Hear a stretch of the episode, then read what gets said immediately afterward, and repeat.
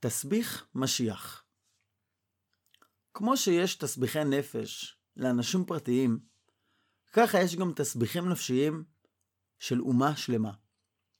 מן הראוי לחלק בתוך התסביכים הלאומיים בין שני צדדים, שלמרות דמיונם, הם לא לגמרי זהים זה לזה. לפעמים התסביך הוא לאומי, כלומר, הוא שייך לכללות האומה. כמו שאנחנו יכולים לדבר על מטרותיו, שאיפותיו וחלומותיו של עם, אפשר גם לדבר על תסביכים ששייכים ונוגעים לעם הזה.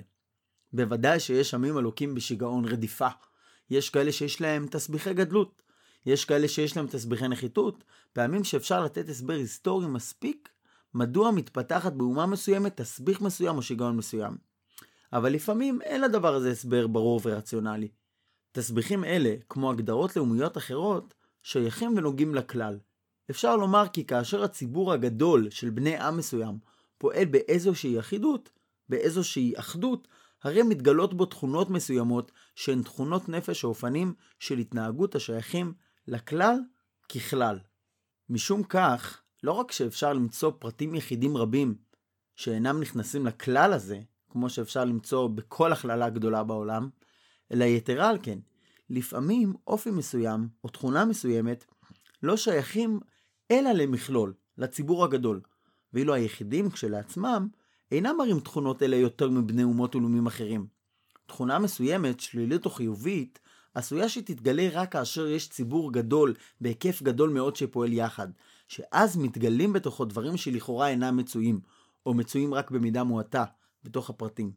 עצם התופעות הללו, שבהבדל שבין התנהגות של פרטים ושל ציבורים, היא ידועה, ובלי ספק שיחידים פועלים, ובמידה מסוימת גם מרגישים וחושבים בצורה אחרת מאשר המונים.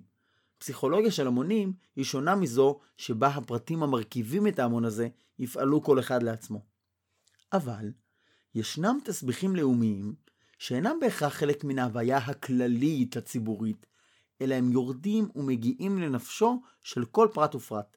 הציבור פועל אפוא במקרה זה כמכלול, כצירוף של יחידים, פרטים בודדים, שכל אחד מהם יש בו את אותה התכונה הנפשית. עם ישראל, לא רק בהווייתו הלאומית הכללית, אלא יותר מכך, בהוויית הפרטים שלו, לוקה בתסביך טיפוסי מסוים, והוא תסביך המשיח.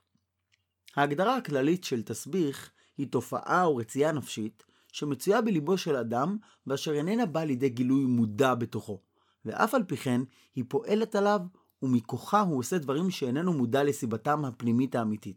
תסביך משיח הוא הרצון, השאיפה, הדחיפה להיות משיח, להיות גואלו ומושיעו של העולם. תסביך משיחי איננו רק הרצון הכללי לגאול את העולם, או להיטיב את מצבו של העולם, אלא יש בתוכו מרכיב נוסף, ולא פחות חשוב, שהוא, כאשר הרצון הזה איננו שאיפה כוללת, לא לשיפור בתנאים ולא לשינויים לטובה, אלא לשאיפה של האני הפרטי שהוא יהיה גואלו של העולם. חכמים אמרו על הכתוב, אל תיגעו במשיחי, אלו תינוקות של בית רבן. המאמר הזה רומז לאותו רעיון עצמו. הילדים הקטנים, תינוקות של בית רבן, כולם רוצים להיות משיח. כלומר, ילד יהודי גדל אולי נולד עם רצון להיות משיח.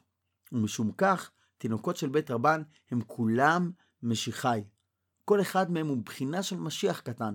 ואם אינו משיח, לא מבחינת יכולתו הנוכחית ולא מבחינת הפוטנציאל שלו בעתיד, מכל מקום הרי הוא שייך לכך מכוח רצייתו, מכוח חלומו. מבחינת תפיסת העולם היהודית הפנימית, אפשר לומר כי כל אדם מישראל יש בו באופן כלשהו ניצוץ משיח. ודאי, לא כל אדם מישראל הוא משיח, גם לא בכוח ובוודאי שלא בפועל, אבל ניצוץ כלשהו של האבות והרועים של האומה, אברהם, יצחק ויעקב, שהוא נוחל אותם בבחינת מורשתו המהותית, כך יש בכל אדם מישראל ניצוץ משיח שהוא מגיע להגשמתו. שהוא מבחינה זו ניצוץ של העתיד. לפי שהמשיח המתגלה הוא הקיבוץ, ההכללה של כל הניצוצות הללו של כל הדורות כולם באישיות אחת. מעין הכללה סופית של מהות מסוימת שנמצאת בכל אדם מישראל ומגיעה לידי ביטויה השלם באדם אחד שכולל בתוכו את כל אלה. מהותה של האידאה המשיחית היא, במובנה הראשוני, גאולת ישראל. הרצון להשיב את תפארתו של עם ישראל לקדמותה, לחדש בכל מובן המילה את תפארתה של המלכות היהודית. אולם ללא ספק, הרעיון המשיחי הוא רחב הרבה יותר מזה, משום שגאולת ישראל היא שלב, צעד מסוים, בתהליך רחב, מקיף הרבה יותר מזה, שהוא גאולתו של העולם בכלל. חילוקי הדעות בהשקפות המצויים ביהדות ביחס למשיח, בין אלו שרואים במשיח כניסה למהות חדשה של העולם בכל המובנים והמשמעויות, ובין אלו שרואים בתוכה שלב ביניים ארצי מאוד לקראת שינוי דרסטי במהותו של העולם הרוחני והגשמי כאחד, מכל מקום שווים הם בתפיסה המאחדת של המשיח כגואל העולם, כמשנה המציאות. משיח אין פירושו רק סדר חדש בתוך המבנה הפוליטי של העולם, אלא סדר חדש במהות היחסים בין אדם לחברו, במהות היחסים בין האדם לקדוש ברוך הוא, ומעבר לזה, בעצם מבנהו, מהותו של העולם שבו אנו חיים. משיח הוא הפתח לעולם חדש, עולם שבו אין מלחמה, עולם שבו אין מחסור, עולם שבו אין סבל, לא סבל הנפש ולא סבל הגוף. האמונה בביאת המשיח היא כשלעצמה לא רק מחשבה ארטילאית על מציאות מאושרת יותר. להבדיל מן האמונה בהישארות הנפש ובחלק טוב בעולם הבא, הרי האמונה במשיח היא במהותה אמונה בשינוי מציאות של העולם הזה. ברור שיש באמונה זו גם מחאה על הקושי, העוול, הצער, האיסורים של העולם הזה. כן, הצער היהודי כמו הצער העולמי הכללי. הפרטיקולריות היהודית של האמונה בביאת המשיח היא עצמה חלק מן התפיסה של הייעוד של עם ישראל. דווקא בתפיסה המשיחית, על כל הייחודיות שבה, מודגש המומנט של החובה הכללית כלפי המציאות הגדולה, והיא קשורה לתפיסת ייעודה של היהדות בכללה כשינוי, כתיקון של העולם כולו. יתר על כן, בין כשאדם מישראל חושב ועושה מעשה בכל דרך שביכולתו כדי לקרב את קץ הגאולה, ובין כשהוא אינו פעיל בכך, מכל מקום, חלק מאמונתו הוא שמעשיו, התקשרותו, פעילותו כיהודי, היא חלק מהותי בהבאת המשיח. למעשה, הייעוד המשיחי הוא לא התקווה, אלא התשוקה, ולאחר מכן הפעולה, בכל צורה שתעשה, על מנת שאכן יבוא המשיח לעולם. משמעותה של האמונה במשיח מוציאה את החובה הדתית ואת השייכות היהודית מכלל דבר הנעוץ כולו בעבר. למעשה, היהדות נתפסת לא רק כהמשכה של תנועה, שהדחף הגדול היסודי שלה ניתן באיזשהו זמן בעבר, ואשר מכוחו ממשיכים יהודים להלך באותה דרך, אלא בד בבד גם כשאיפה לקראת מוקד נוסף. המוקד של המשיח קשור בעתיד. בעצם יש לא רק המשך של דברים, אלא גם פעילות מתמדת שהולכת לקראת אותם הדברים. קירוב הגאולה אינו רק בבחינת חובה כלל-לאומית או אמונה של הכלל, אלא דווקא משום שהיא מתפרטת ומתרחשת בתוך המרחב של עולם המצוות, היא הופכת להיות עניינו של הפרט. מעשים של הפרט, בין בכללם ובין בפרטים מיוחדים שונים, מקרבים את הגאולה, כשם שסטיותיו וחטאיו בכללם ובפרטיהם השונים, הם מעכבים את הגאולה, מונעים את בואו של המשיח. כל אלה גורמים לכך שלא רק הכלל, אלא הפרט היהודי, אינו רק בגדר חומר גלם, הדבר שעליו חלה הגאולה, אלא בבחינת כוח יוצר, בבחינת מבצע, שבצורה זו או אחרת, הוא יוצר את הגאולה. הרצייה הכללית, לא רק שהיא מתפרטת לפרטים, אלא היא הופכת להיות נחלתם וחלקם של הפרטים. חלק מן החובה מוטל בהכרח על כל פרט ופרט, וכל פרט הוא משום כך, גם בהגדרה פורמלית ביותר, חלק מן התהליך הזה של הבאת הגאולה. הרעיון המשיחי הופך להיות עבור הכלל לא רק אידאה, אלא יותר מזה, כוח דוחף, כוח ממריץ, רעיון שכשלעצמו הוא משמש אמצעי כדי ליצור דברים או כדי להתמין בעשייתם. הרעיון הזה יש לו צורה אינטלקטואלית כאידאה, כרעיון, כנקודה של תיאולוגיה, אבל לרעיון הזה יש גם הפנמה כממריץ לביצוע. לרעיון הזה יש גם השפעה על הנפש, כאשר הייעוד המשיחי נעשה לא רק נקודת ציון בתפיסת העתיד, אלא יתר על כן, כשהוא הופך להיות החלום המשיחי. כלומר, אין כאן רעיון מסוים שהוא נושא לעיון ולשיקול כאשר אדם עוסק בבעיות המיוחדות הללו, אלא חלום של חיים, חלק מן התשתית הפנימית של החיים. דבר הפועל לא רק בחלק האינטלקטואלי של הנפש, אלא גם במעמקיה ובמסתריה. למה החלום המשיחי מגיע לידי ביטוי בצורה שלמה ובצורה גלויה יותר אצל ילדים? דווקא משום שהם ילדים. בהיותם צעירים יותר, הרי הם הרבה יותר רגישים למשמעויות של דברים, לאו דווקא לתכנים שיש להם הגדרות פורמליות, שלא תמיד הם מסוגלים או רוצים להבין אותם, אלא תחושה כלפי חלומות. כשם שהילדים מדברים בגלוי וראש כל חוצות על אותם דברים שמבוגרים לוחשים אותם בסתר, כך גם הילדים חולמים בגלוי את הדברים שהמבוגרים אינם תמיד מבטאים אותם באיזו צורה מפורשת וגלויה.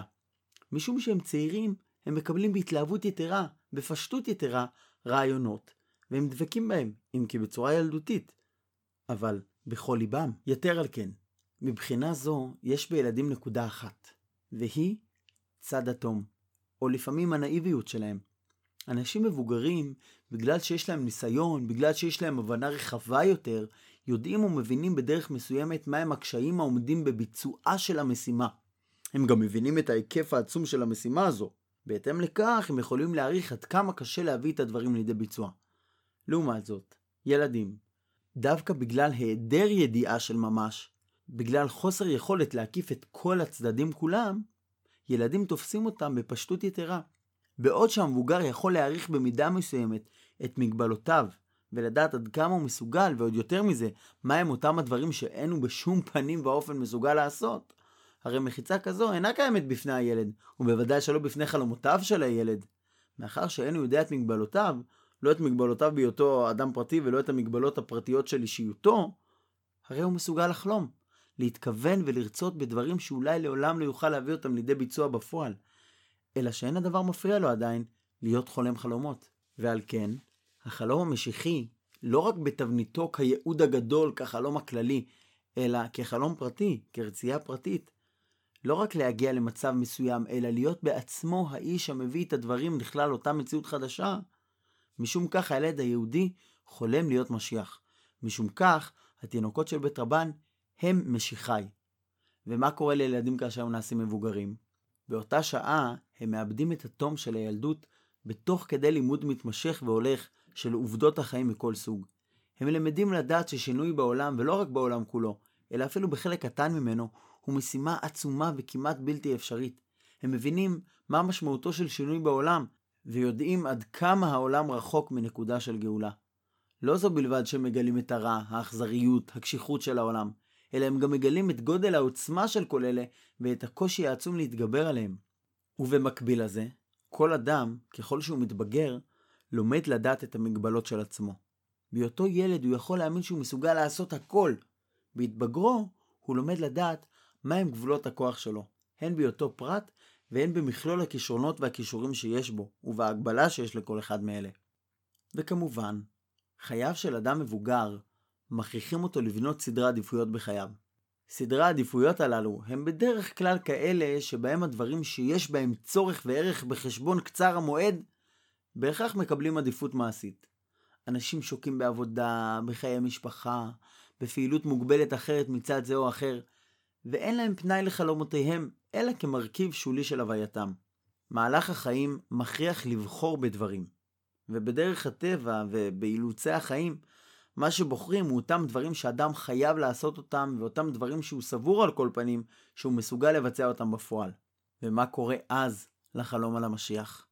החלום הזה איננו מתבטל כליל, הוא איננו מושלך בהכרח כדבר שאדם איננו חפץ בו, אלא הוא מועבר מצד אחד למערכות פחות אמוציונליות, פחות תובעניות, של אמונה כללית, של עשייה בתחומים רבים, שאיננה מחייבת עוד השתקעות בתוך החלום הזה. ומאחר שהחלום המשיחי אינו רק בגדר של רצייה בדברים טובים שיבואו, בעתיד נפלא שיתחולל אי פעם, אלא יש בו גם מידה רבה של תובנות, הרי כפי שקורה לחלומות ילדות אחרים, החלום הזה מודחק, מועלם מן המחשבה היומיומית, ופעמים גם מן התחום המודע של חיי ההכרה. אלא שחלומות מודחקים אינם מתבטלים. הם נכנסים בדרכים שונות למעמקיה של ההוויה.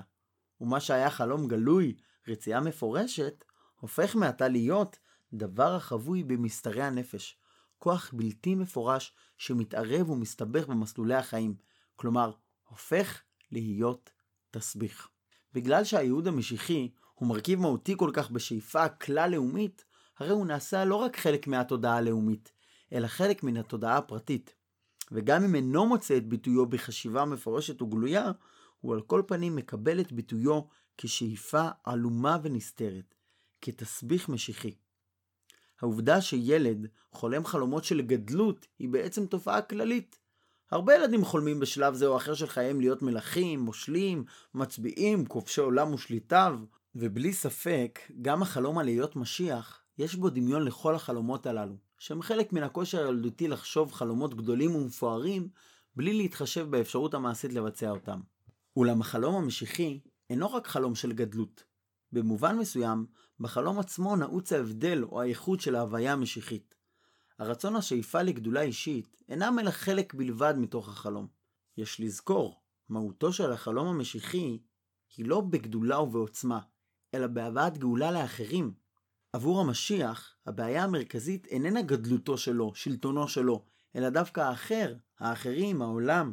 כדי לרצות להיות משיח, צריך להכיר ולחוש בצורה כלשהי, בין שהיא גלויה ובין שהיא עמומה מאוד, את עוני עמו, את הסבל ואת המחסור של האומה שלו, ובהיקף הגדול יותר, את בעיותיו וכאביו של העולם. התחושה המשיחית מתחילה אפוא בהרגשה שהמציאות צריכה תיקון, שהמציאות מטילה משימה גדולה על האדם, להביא אותה לידי שינוי, לידי תיקון, לידי גאולה. משום כך, בכל צורה שהיא מופיעה, המוקד שלה הוא בעצם האחר, ולא האני. הבעיה, הכאב, המחסור של האחר, הוא זה שמעורר את התחושה הזאת לגבי האני. כיוון שהאחרים נמצאים באיזושהי מצוקה, הרי אני הוא הרוצה, המשתוקק, פעמים המחויב, המוכרח, הנאלץ, להיות הפודה והמציל. הדחקה של החלום המשיחי קיימת גם בשלומי אמוני ישראל. גם אלה שאומרים בכל יום שהם מאמינים באמונה שלמה בביאת המשיח, גם מבחינתם החלום האישי נעשה על כל פנים חלום מודחק. שוב אין האיש חולה ומשתוקק להיות בעצמו הגואל והמושיע, אף על פי שהוא עדיין מאמין בכל ליבו ומצפה בכל יום לגאולה שתבוא. אולם ביתר שאת, קיימת ההדחקה הזו אצל אותם יהודים ששוב אינם מכירים בגילוי הייעוד המשיחי. בימינו, הסיכויים הם שהילד היהודי, ועוד יותר המבוגר, יגדל כמו מי שיהדותו בשבילו מטען של העבר, ולא פעם מטען שהוא היה שמח להיפטר ממנו. הוא יכול להיות בהשקפתו יהודי במקצת, או אגנוסטי, אפילו אתאיסט, ולכאורה מה לו ולאמונה במשיח. אולם כאמור, המשיחיות איננה רק חלק מעולם מודע מסוים. המשיחיות היא חלק שנעשה ממהותו של האדם היהודי באשר הוא, בין שהוא חפץ בכך בגלוי, או שאינו חפץ בכך כלל, בין שהוא מודע לדבר ובין שאיננו מודע לו לחלוטין. דבר זה הוא חלק מהתת מודע הקולקטיבי שלו, שפועל עליו לא רק כרצייה כללית בבחינה הלאומית שלה, אלא כהתניה פרטית הפועלת לגבי חייו שלו, לגבי חלומותיו שלו ולגבי רציותיו שלו. ייתכן שהוריו של אדם מישראל גידלו אותו כך שיהא מושלל לגמרי מכל האידאות היהודיות בגילוין. אבל אין הם יכולים לשלול ממנו את מהותו הנפשית הבסיסית, את החלום של המשיח, או על כל פנים, את תסביך המשיחיות. ואכן, התסביך המשיחי מתגלה ביהודים, גם אם אינם פועלים עוד כיהודים בכל דרך מפורשת. תסביך זה, אם להגדירו בצורה שבה הוא מתגלה ומופיע במופעים הלא יהודיים והלא דתיים שלו, הוא עדיין ביסודו אותו רעיון עצמו. הוא כולל בתוכו תחושה עמוקה של רגישות לצער ולסבל שבמציאות הכללית, וביתר שאת, לצערם ולסבלם של אחרים. אולם מעבר לרגישות הזו, יש גם אלמנט נוסף, שהוא אופייני כל כך לתחושה המשיחית. לא זו בלבד שיש רגישות לבעיה של האחר, אלא גם תחושה של חובה לעשות דבר כדי לשנות את המצב, כדי להיטיב אותו. ובמילים גדולות יותר, כדי לגאול את העולם. ואכן, בצידם הזה של הדברים, יש דוגמאות רבות מספור כיצד יהודים בכל מקום שהוא יוזמים, מנהיגים מעשים, מבצעים ותנועות שלמות שהן ביסודן תנועות של שחרור, תנועות של יציאה מאיזושהי דרגה של סבל, תנועות שבמידה זו או אחרת שואפות לדרגה של גאולה. האחוז העצום של יהודים המשתתפים בתנועות מהפכניות הוא תופעה שאינה צריכה הוכחות מרובות. למעשה, אין כמעט תנועה מהפכנית במשך מאות השנים האחרונות שבה לא היו היהודים שותפים. גם במקומות שאחוז היהודים באוכלוסייה הוא קטן, האחוז שלהם בתנועות המהפכניות הוא גדול לאין ארוך. אולם, כאשר בודקים את הדברים, רואים כי המהפכנות הזו אינה נקודת מהות של התנועות הללו. לא הפיכת הסדר הקיים מנקודת המוקד שלהן, אלא בהיותן בדרך זו או אחרת תנועות המנסות להיטיב את המצב הקיים, לשפר את המציאות, בין שהיא עניין של שחרור לאומי ובין שהיא עניין של שחרור סוציאלי. בין שהן תנועות העושות דברים אלה בדרך מהפכנית וקיצונית, ובין שהן מנסות להגיע לאותה דרגה של הטבת המציאות בעולם בדרכים אחרות, של הוראה או של השפעה, של עזרה או של תמיכה. תנועות לשלום ותנועות לשחרור הנפש, תנועות להטבת מצבם של סובלים ופעולות לשיפור חייהם של רעבים, חולים, סובלים, בין שאלה עשויים כדי לתקן במיוחד ובראשונה מצבו של אדם, ובין שהם עוברים מעבר לזה לתקן את העולם, את הסביבה, את המציאות בכללה. אחוזם של היהודים בכל תנועות השמאל היה מאז ומעולם מרשים, ודבקותן בהם. משום שהתנועות הללו היו ביסודן תנועות שניסו להביא גאולה לעולם. אולם יהודים השתתפו באותה מידה של התלהבות גם בתנועות שחרור לאומיות של העמים שבהם ישבו, ופעמים גם של עמים אחרים, שהם הרגישו צורך פנימי להשתתף במאבק לשחרורם. התנועות הללו, שהיהודים היו חלק מהם ולא פעם גם יוזמים ומנהיגים בהם, אין להם שום מחנה משותף מבחינת האידאות שלהן. יהודים השתתפו בתנועות מהפכניות שמאליות לרוב, אולם גם בתנועות מהפכניות שהיו במפורש ימניות. יהודים השתתפו ופעלו בתנועות שהיו במהותן קוסמופוליטיות, ולא פחות מכן, בתנועות שחרור שהיו לאומיות ופרטניות. יש תנועות רבות שיהודים היו פעילים בהן, שהיו בהגדרתן מטריאליסטיות ואתאיסטיות, אבל לא פחות מכן, בתנועות שהיו בעלות מגמות דתיות עמוקות, ולאו דווקא יהודיות.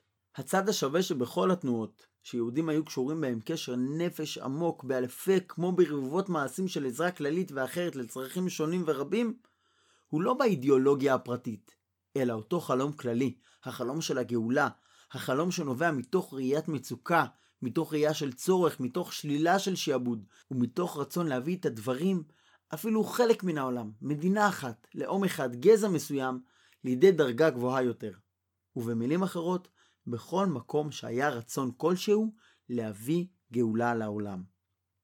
בכל ההשתתפות היהודית בתנועות שחרור וגאולה, לכל מיניהן וסוגיהן השונים, בין כשיהודים השתתפו בהם כמנהיגים וכיוזמים, או כחברים מן המניין, או כשותפים בדרגה זו או אחרת, מעולם לא עלתה בליבם השאלה, מה התועלת שאני יכול להפיק מן הדבר הזה? אפילו לפעמים לא אני הפרטי, אלא גם אני הלאומי. שהרי כאמור, התסביך המשיחי איננו מבוסס על הרצון האישי בגדולה או בהשפעה, אלא על ראיית משהו הדורש תיקון, ועל הרגשת חובה לעשות דבר כדי לסייע לתיקון הזה. השלב הראשון, הדחף הראשוני, נובע מן הצורך, מן הסבל. וגם כאשר יכולים אחר כך להצטרף לו כל מיני רצונות או יצרים אחרים, הרי מכל מקום הוא מבוסס על כורח לעזור, לתמוך, לסייע, כדי להביא לידי תיקון, להביא לשחרור, להביא גאולה לעולם. השאלה הרציונלית שסתם אנשים עשויים לשאול את עצמם, מי שמך? מי הוא הנותן לך את הסמכות לעשות דברים בתחום הזה? זה סוג של שאלה שאדם יהודי איננו שואל את עצמו. השאלה הזו אכן לא פעם נשאלת על ידי אחרים, אלה שמרגישים מאוימים על ידי התערבות כזאת באשר היא, ולא פעם גם על ידי אותם אנשים שעבורם ולמענם פועלים היהודים כדי לעזור ולסייע. בוודאי, במקרים רבים, ולא רק באלה שבהם היהודים היו היוזמים והמנהיגים הראשונים. האחרים קיבלו את העזרה ואת הדחיפה הזאת ברצון. אולם, היו מקרים רבים שבהם כמעט מן ההתחלה הייתה גם הרגשת התודה מלווה בתחושה של טינה. מה לך ולענייני שלי? הרגשה שהייתה פעמים מלווה על ידי חשד שמישהו מנצל את התנועה או את הפעולה הזאת לטובתו.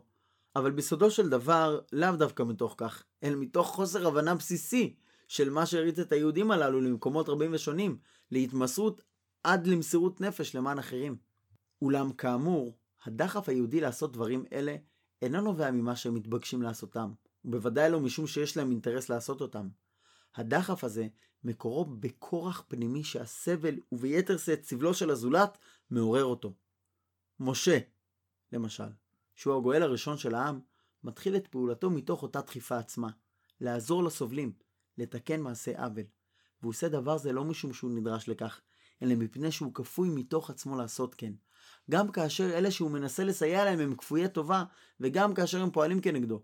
שהרי הכורח שלו אינו נובע מרצונם של האחרים, אלא מן הדבר המצוי בתוכו, מן המשיחיות שלו עצמו. אם כן, בכל הדורות היו יהודים שהלכו ופעלו בצורה הזו, מפני שהם יהודים.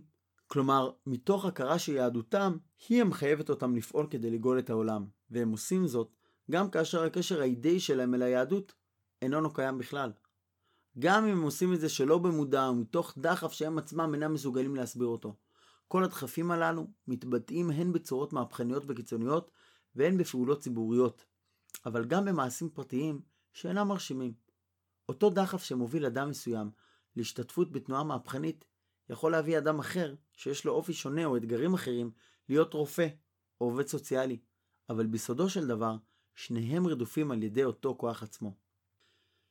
בוודאי קשה לראות בתחילה שהצעיר המהפכן המנסה לבנות תנועת שחרור לאומית אתאיסטית במדינה מסוימת, או הרופא הקרסטן שמטפל בחולים במקום כלשהו, או המורה המיוגע שיושב ומלמד ילדיהם של אחרים, שכולם מכילים בתוכם, שלא במודע, את החלום הבסיסי של הילד היהודי, להיות משיח.